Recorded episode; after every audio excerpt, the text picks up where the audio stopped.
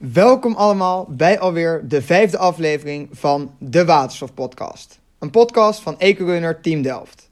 In deze podcast duiken we elke aflevering dieper in het onderwerp waterstof. Ik ben Siep en ik ben dit jaar de Scalability Manager voor de EcoRunner, de meest efficiënte waterstofauto van de wereld. Met deze podcast willen we onze missie uitdragen, namelijk iedereen belang laten inzien van waterstof en zijn rol in de energietransitie. Vorige week hebben wij het ontwerp van de EcoRunner 11 gepresenteerd. Dus kijk zeker even op onze website als je benieuwd bent hoe hij eruit is komen te zien. Um, dit keer is het in de Waterstofpodcast enigszins een dicht bij ons bedshow. We gaan het namelijk hebben over een onvermijdelijk thema als je het hebt over toepassingen van waterstof: het wegvervoer.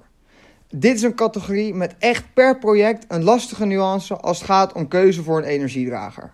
Wat zijn deze afwegingen en hoe gaat het met de ontwikkeling van waterstofvoertuigen? Ik heb het erover met Anna Spanij, subsidiemanager waterstof voor Air Liquide. Een van onze partners, maar vooral ook een van 's werelds grootste waterstofproducenten, die ook betrokken zijn bij allerlei waterstofprojecten, waaronder trucks, bussen en tankstations. Anna, dankjewel dat je er bent. Ja, leuk dat ik hier mag zijn. Ja, uh, ik denk iedereen die al vaker naar de Waterstofpodcast heeft geluisterd, die zal allemaal in de lucht voelen hangen. Om even warm te worden, ben ik eigenlijk benieuwd. Uh, waar ben je waterstof voor het eerst tegengekomen? Ja, ik heb daar inderdaad even over naast te denken. En ik denk dat ik waterstof al veel vaker voorbij heb horen komen. Want het is natuurlijk iets waar we al langer over uh, praten en over nadenken met z'n allen. Um, maar voor mij was de eerste keer dat ik waterstof echt bewust tegenkwam. Uh, in een project wat ik eerder heb gedaan voor landbouw. Um, omdat landbouw is een van die sectoren waarin het best lastig is om te bedenken hoe gaan we dat vergroenen. Um, omdat die tractoren zijn natuurlijk heel zwaar en het wordt voor langere tijd achter elkaar gebruikt. Dus waterstof is dan de, ja, de ultieme energiedrager. Uh, dat is dus voor mij de eerste keer geweest dat ik echt bewust bezig ben geweest met waterstof uh, op die manier. Ja, leuk. En ik denk, mooi. dit is inderdaad iets dat zie je heel vaak ook inderdaad als het gaat over toepassingen in uh, zwaar vervoer van landbouw. We hebben het niet, ik noemde wegvervoer, dan is misschien op het land, uh, ga, ga, valt niet eens onder die categorie. Um, maar eigenlijk als we het hebben over uh, waterstof op de weg, dan kijken we natuurlijk vooral naar de toekomst.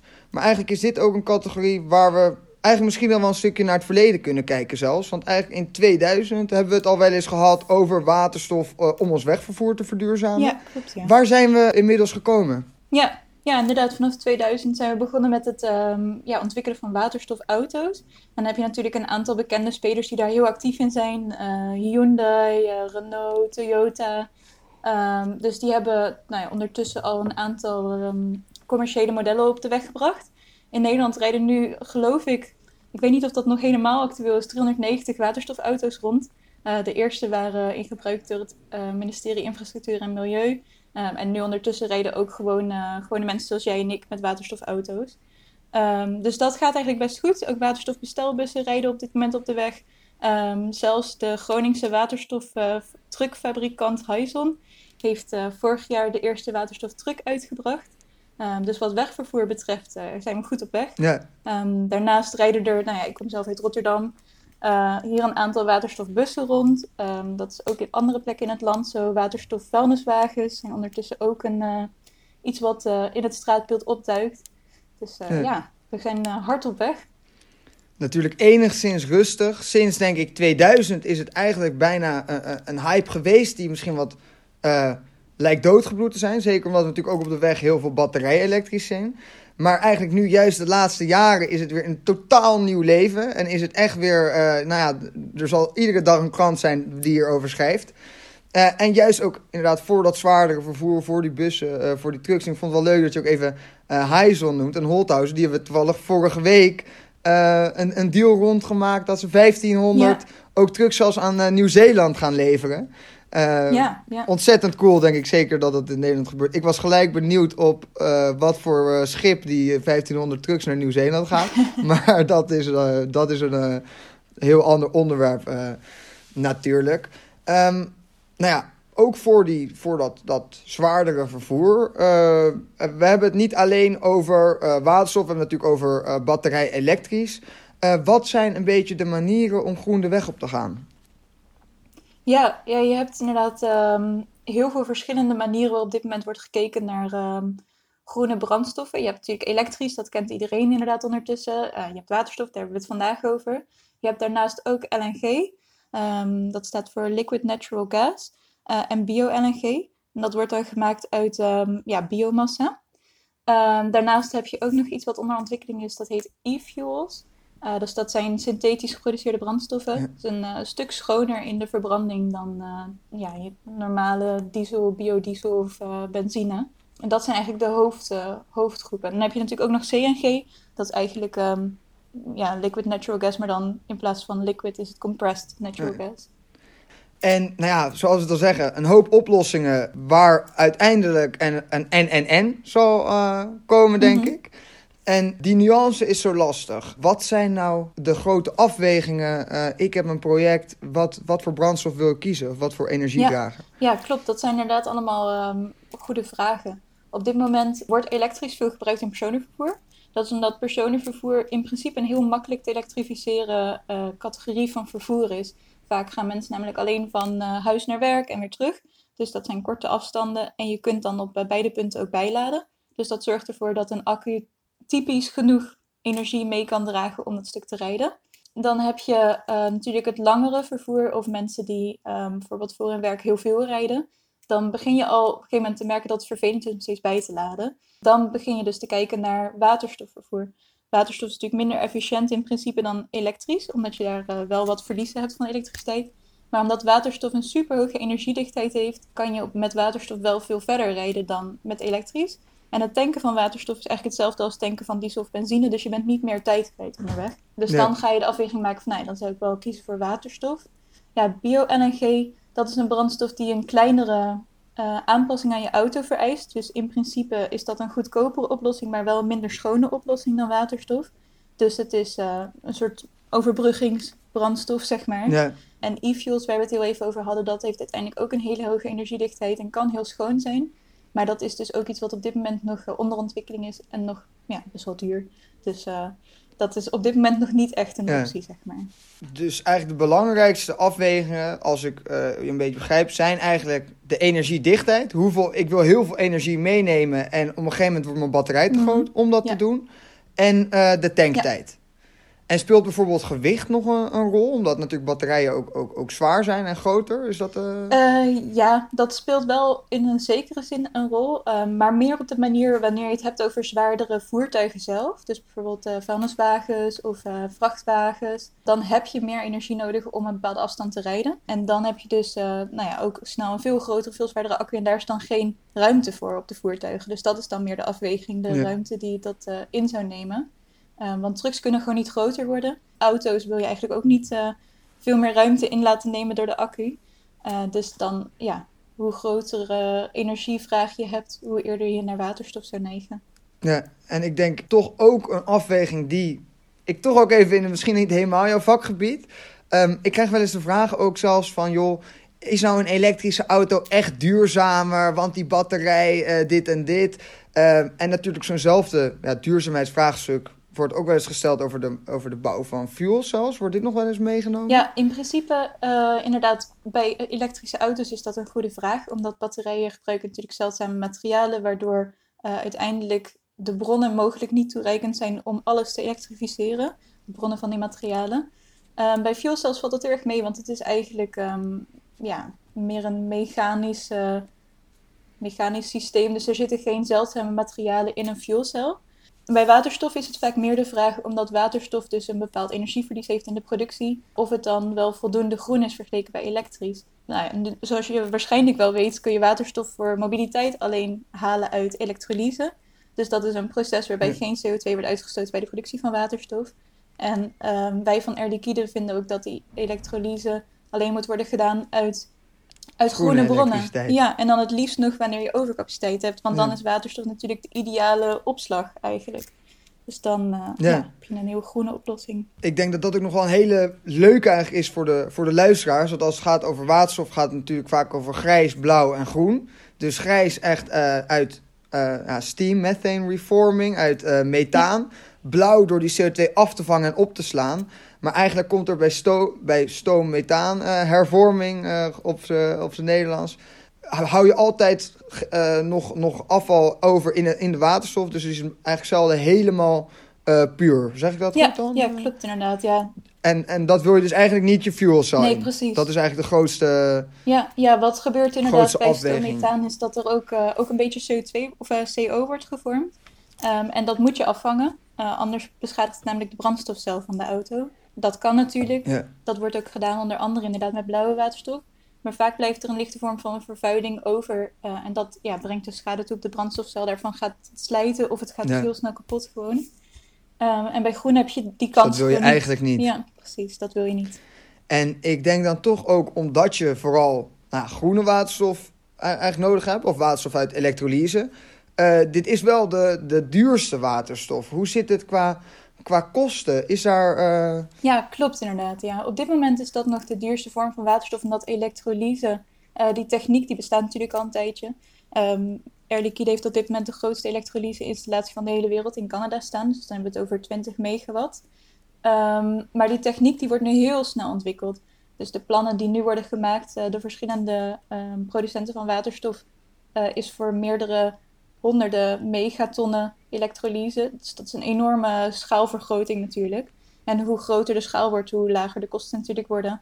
Ehm, en in de toekomst, ja, de overheid heeft ook heel veel baat bij waterstof. Dus er wordt eh, voorzien dat er veel subsidiëring komt op groene waterstof. Dan hebben we het over hernieuwbare brandstofeenheden. Ja. Ehm, plus de diesel zal waarschijnlijk duurder worden door onder andere de CO2-tax. CO2-kosten? Dus ja. op die manier verwachten we dat ehm, ongeveer rond 2027 dat er een, ehm, ja, een parity zal zijn. Dus eh, dat de prijs van waterstof gelijk wordt aan diesel of mogelijk zelfs goedkoper.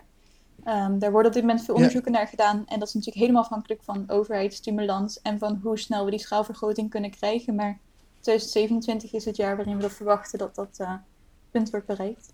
En zijn dan de operationele kosten, dus echt het tanken, is dat dan altijd de dealbreaker of ook eh, de aanschaf van mijn truck? Mm, op dit moment zijn de aanschafprijzen van de trucks inderdaad nog heel hoog, omdat we het hebben over de eerste series. Eh, de verwachting is, nou ja, zoals alles, ehm, alle nieuwe technologie, dat de prijs heel snel gaat eh, dalen. Ehm, op dit moment is dus de afweging vooral, wil je graag als een van de eerste bekend staan die eh, die transitie maakt, dan kan je kiezen voor het investeren in een duurdere truck. Als je een paar jaar wacht, dan gaat die prijs heel snel omlaag. En dan ehm, ja, zal het altijd wel duurder blijven natuurlijk dan, dan dieseltrucks, want die zijn al zo lang onderweg dat, dat die ontwikkelkosten eigenlijk geen rol meer spelen. Maar dat prijsverschil zal heel snel afnemen. En ook in gebruik zijn uiteindelijk waterstoftrucks naar verwachting goedkoper dan dieseltrucks. Dus dan eh, kan je op Ja. die manier alsnog je business case rondrekenen. En toch, die moeten we ook, want natuurlijk Tesla hebben, eh, heeft in principe ook een, eh, een elektrisch stuk, maar dan echt een batterij-elektrisch Ja. stuk. Dan zijn er natuurlijk de nadelen, maar die heeft eigenlijk een best wel grote actieradius ook.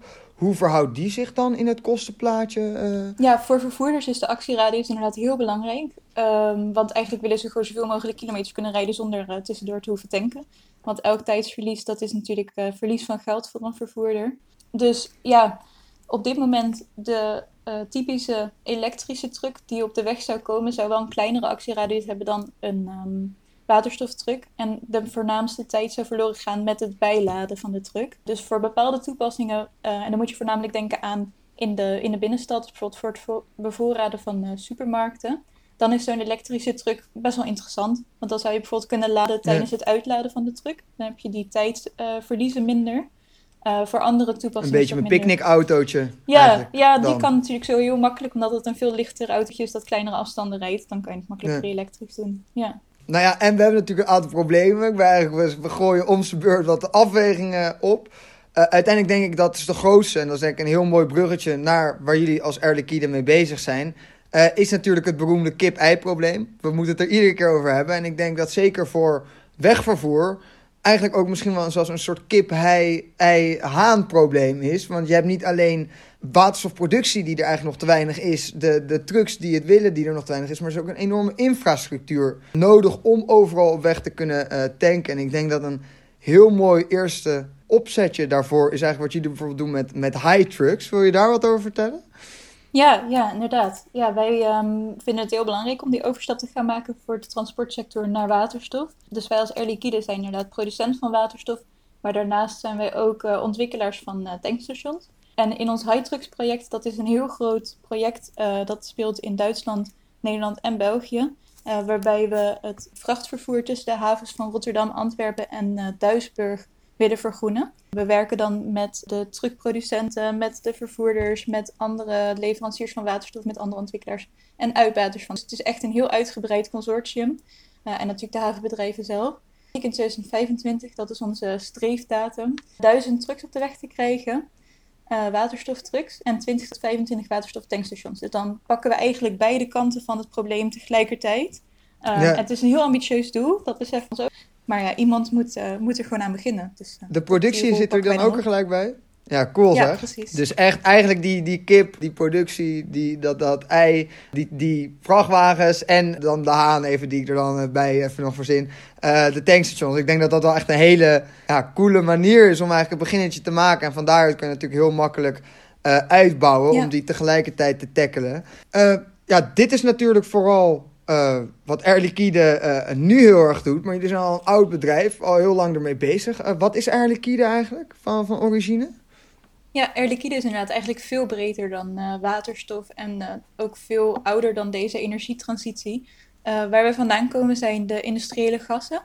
Um, dus wij produceren, vervoeren en leveren waterstof, maar ook zuurstof, CO-gas, een, hele, een heleboel andere gassen voor de industriële toepassingen. Dus voor metaalbewerking, voor ziekenhuizen is natuurlijk nu een heel uh, actueel onderwerp geweest. Um, van alles eigenlijk. Dus wij zijn heel breed, uh, ja, breed bezig met z'n allen. een breed bedrijf. En is het dan ook inderdaad vooral uit altijd al waterstof? is natuurlijk niks nieuws, dat zou iedereen inmiddels weten. Uh, ook altijd vanuit de industrie, eigenlijk door stoom, uh, methaanhervorming, toch? Ja, van origine gemaakt we inderdaad altijd waterstof met uh, SMR-centrales, stoom-methaan-reforming. Uh, um, daarbij doen we nu heel erg veel werk om met uh, onze cryocap-methode om de CO en CO2 af te vangen, zodat het blauwe waterstof wordt. Um, en dat leveren inderdaad aan de industrie. Dus vooral metaalbewerken, processen waarbij hele hoge procestemperaturen nodig zijn. Um, en andere bedrijven die waterstof weer gebruiken om bijvoorbeeld ammoniak te maken. Um, allemaal dat soort toepassingen. Ja. ja. En, en voer je nou ook een shift binnen het bedrijf echt naar die uh, groene waterstof? Ja, zeker. Ja, we merken dat op dit moment wordt er zowel heel hard gewerkt aan blauwe waterstof als aan groene waterstof. Want zoals we al even noemden, was uh, groene waterstof is best wel duur natuurlijk voor de komende jaren. Dus blauwe waterstof wordt gezien als een manier om uh, de waterstofproductie te decarboniseren met een redelijk beperkte meerprijs. Um, dus daar zijn we druk mee bezig. We zijn nu bijvoorbeeld aan het onderzoeken middels het Portals-project of we waterstof kunnen op of uh, de niet de waterstof, de CO2 kunnen opslaan uh, in um, gasvelden. Um, en op die manier de productie te decarboniseren. Groene waterstof, daar zien we natuurlijk ook heel veel interesse in. Uh, we werken bijvoorbeeld zo samen met Siemens. Die um, zijn een van de grootste producenten van elektrolyse. En op dit moment zijn we dan aan het kijken van ja, waar, waar kunnen we de elektrolyse bouwen op zo'n manier dat het zo efficiënt mogelijk in, uh, in de industrie, in de mobiliteit kan worden gebruikt. En ik denk jouw vak zit natuurlijk in ja, de subsidies uh, rondom hier. Wat voor mogelijkheden zijn daar? Ja, ja, ik richt me inderdaad vooral op subsidies, omdat um, nou ja, zolang de business case voor waterstof nog lastig is rond te rekenen, hebben we gewoon subsidies nodig om deze beweging op gang te krijgen. Uh, in Nederland wordt dat gelukkig heel erg herkend door de overheid. Dus er zijn verschillende subsidies die we kunnen gebruiken voor de productie, um, maar ook voor uh, nou ja, het aanschaffen van die trucks die we nodig hebben. Um, en op Europees niveau wordt vooral heel erg gekeken naar de infrastructuur. Uh, dus zo zijn er verschillende mogelijkheden. En dat zorgt er uiteindelijk voor dat we met z'n allen toch op een redelijk kostenefficiënte manier uh, deze overstap kunnen gaan maken. Er gebeurt natuurlijk superveel en ik denk dat je er wel leuk middenin zit ook. Heb je eigenlijk een beetje het idee dat je deels ook de wil van een overheid vertaalt als je zo met subsidies bezig bent? Of komt eigenlijk het altijd vanuit jullie als Air Liquide en uh, dan wil je eerder de overheid overhalen? Ja, het is echt een heel erg wisselwerking. Dus dat is heel mooi om te merken. We merken dat er uh, steeds meer vraag is vanuit overheden van uh, wat kunnen jullie doen, uh, hoe kunnen die ondersteunen om deze transformatie snel mogelijk te maken. Aan de andere kant merk je ook dat overheden kijken natuurlijk naar het bedrijfsleven om te kijken wat er kan en hoe snel dingen kunnen. Dus wij moeten vooral ook zelf aangeven wat we willen, wat we nodig hebben. Ja, dus op die manier ga je echt met overheden in gesprek om te kijken hoe we elkaar kunnen ondersteunen. Zij hebben natuurlijk ambities vanuit het klimaatakkoord. Wij hebben onze ambities op bedrijfsniveau. Uh, en om de markt te ontwikkelen. Dus uh, ja, samen zorgen uiteindelijk dat die transitie mogelijk wordt. Ja, leuk en spannend wat er allemaal uh, komen zal. eigenlijk een laatste vraag. En dat is toch, denk ik, iedereen die dit aan het luisteren is, die in zijn achterhoofd misschien zal hebben. Hoe gaat die mixer uiteindelijk voor, uitzien? Op de weg? Hoeveel procent van mijn trucks rijden op waterstof in 2050? Ja, dat is een hele leuke vraag. Durf je het aan? Niemand. Dat weet natuurlijk niemand. Wij hopen als RDKido dat er zoveel mogelijk waterstof terugkomen. Um, maar wij vinden wel, ja, iedereen moet, uh, waterstof moet worden ingezet waar het tot, het best tot zijn recht komt. Dus echt het zware vervoer, het lange vervoer, um, het uh, regelmatige vervoer. Dus bijvoorbeeld, je kunt ook kortere afstanden hebben, maar dan heel veel achter elkaar. Um, daar moet het ingezet worden. Uh, naar ons idee is dat een flink grote markt. Hoeveel procent dat precies is, ja, dat is lastig om te zeggen. Maar hopelijk ja. zoveel mogelijk. Ik sprak iemand van waterstof net, die zei 70% van, uh, van het zwaardere uh, vervoer rijdt op waterstof uh, in 2050 en 20 tot 30% van het wegvervoer. Is dat een hele gekke? Ik denk het niet. Ik denk dat waterstof net dat heel goed heeft uitgezocht. Dus als zij dat zo noemen, dan zou ik er maar van uitgaan. Nee, leuk. Anna, dankjewel dat je het hier even over kon hebben. Ik denk dat we een beter idee hebben gekregen over die nuance, over al die vraagstukken. En uh, ik denk dat er enorme stappen worden gemaakt en uh, dat wij zeker in 2050 uh, eh, al naar een heel andere weg zullen kijken. en daar kijk ik ontzettend naar uit. Je wel dat je even tijd had en jullie natuurlijk allemaal voor het luisteren. En hopelijk ook weer tot de volgende aflevering. Ja, bedankt.